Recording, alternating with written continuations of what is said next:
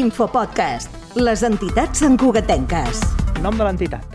Sant Cugat Comerç, Any de naixement. 1994, Nombre de socis. 187. On us poden trobar? A la plaça de Barcelona, número 17. Avui parlem amb... Aida Fernández, presidenta de Sant Cugat Comerç, i Adela Burgos, gerent de Sant Cugat Comerç.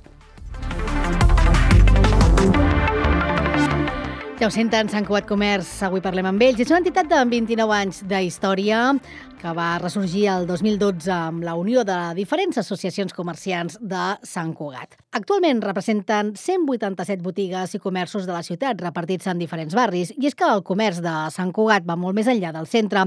Des de l'entitat defensen que la unió fa la força. Hem de ser tots junts perquè la força que podem tenir davant d'institucions i d'entitats a l'hora de lluitar pel comerç local, indudablement, quan més som, més força tenim. Llavors, què estem fent des, des de l'associació? Estem incrementant els serveis que donem als associats, també donem tiquets d'aparcament perquè els clients puguin aparcar en el centre i estem fent publicitat dels comerços. El que ens interessa és que els ciutadans vegin realment què hi ha al centre de la ciutat.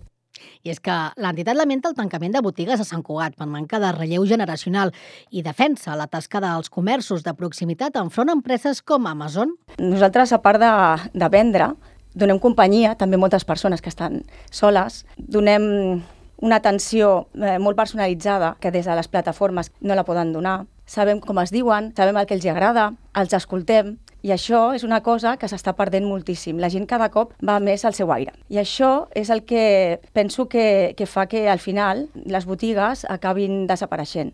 I és que la campanya de Nadal és la més important a nivell comercial i representa el 30% de la facturació anual dels comerciants sancoatencs. Per tant, una bona època per visitar els comerços locals, els de proximitat.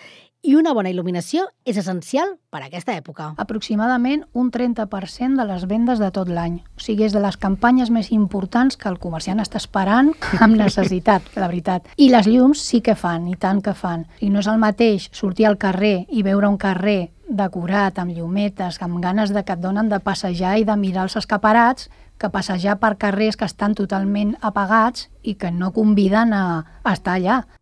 Fomentar la digitalització i les noves tendències de venda són els principals objectius de futur per l'entitat. Infopodcast és una producció de Ràdio Sant Cugat i la xarxa.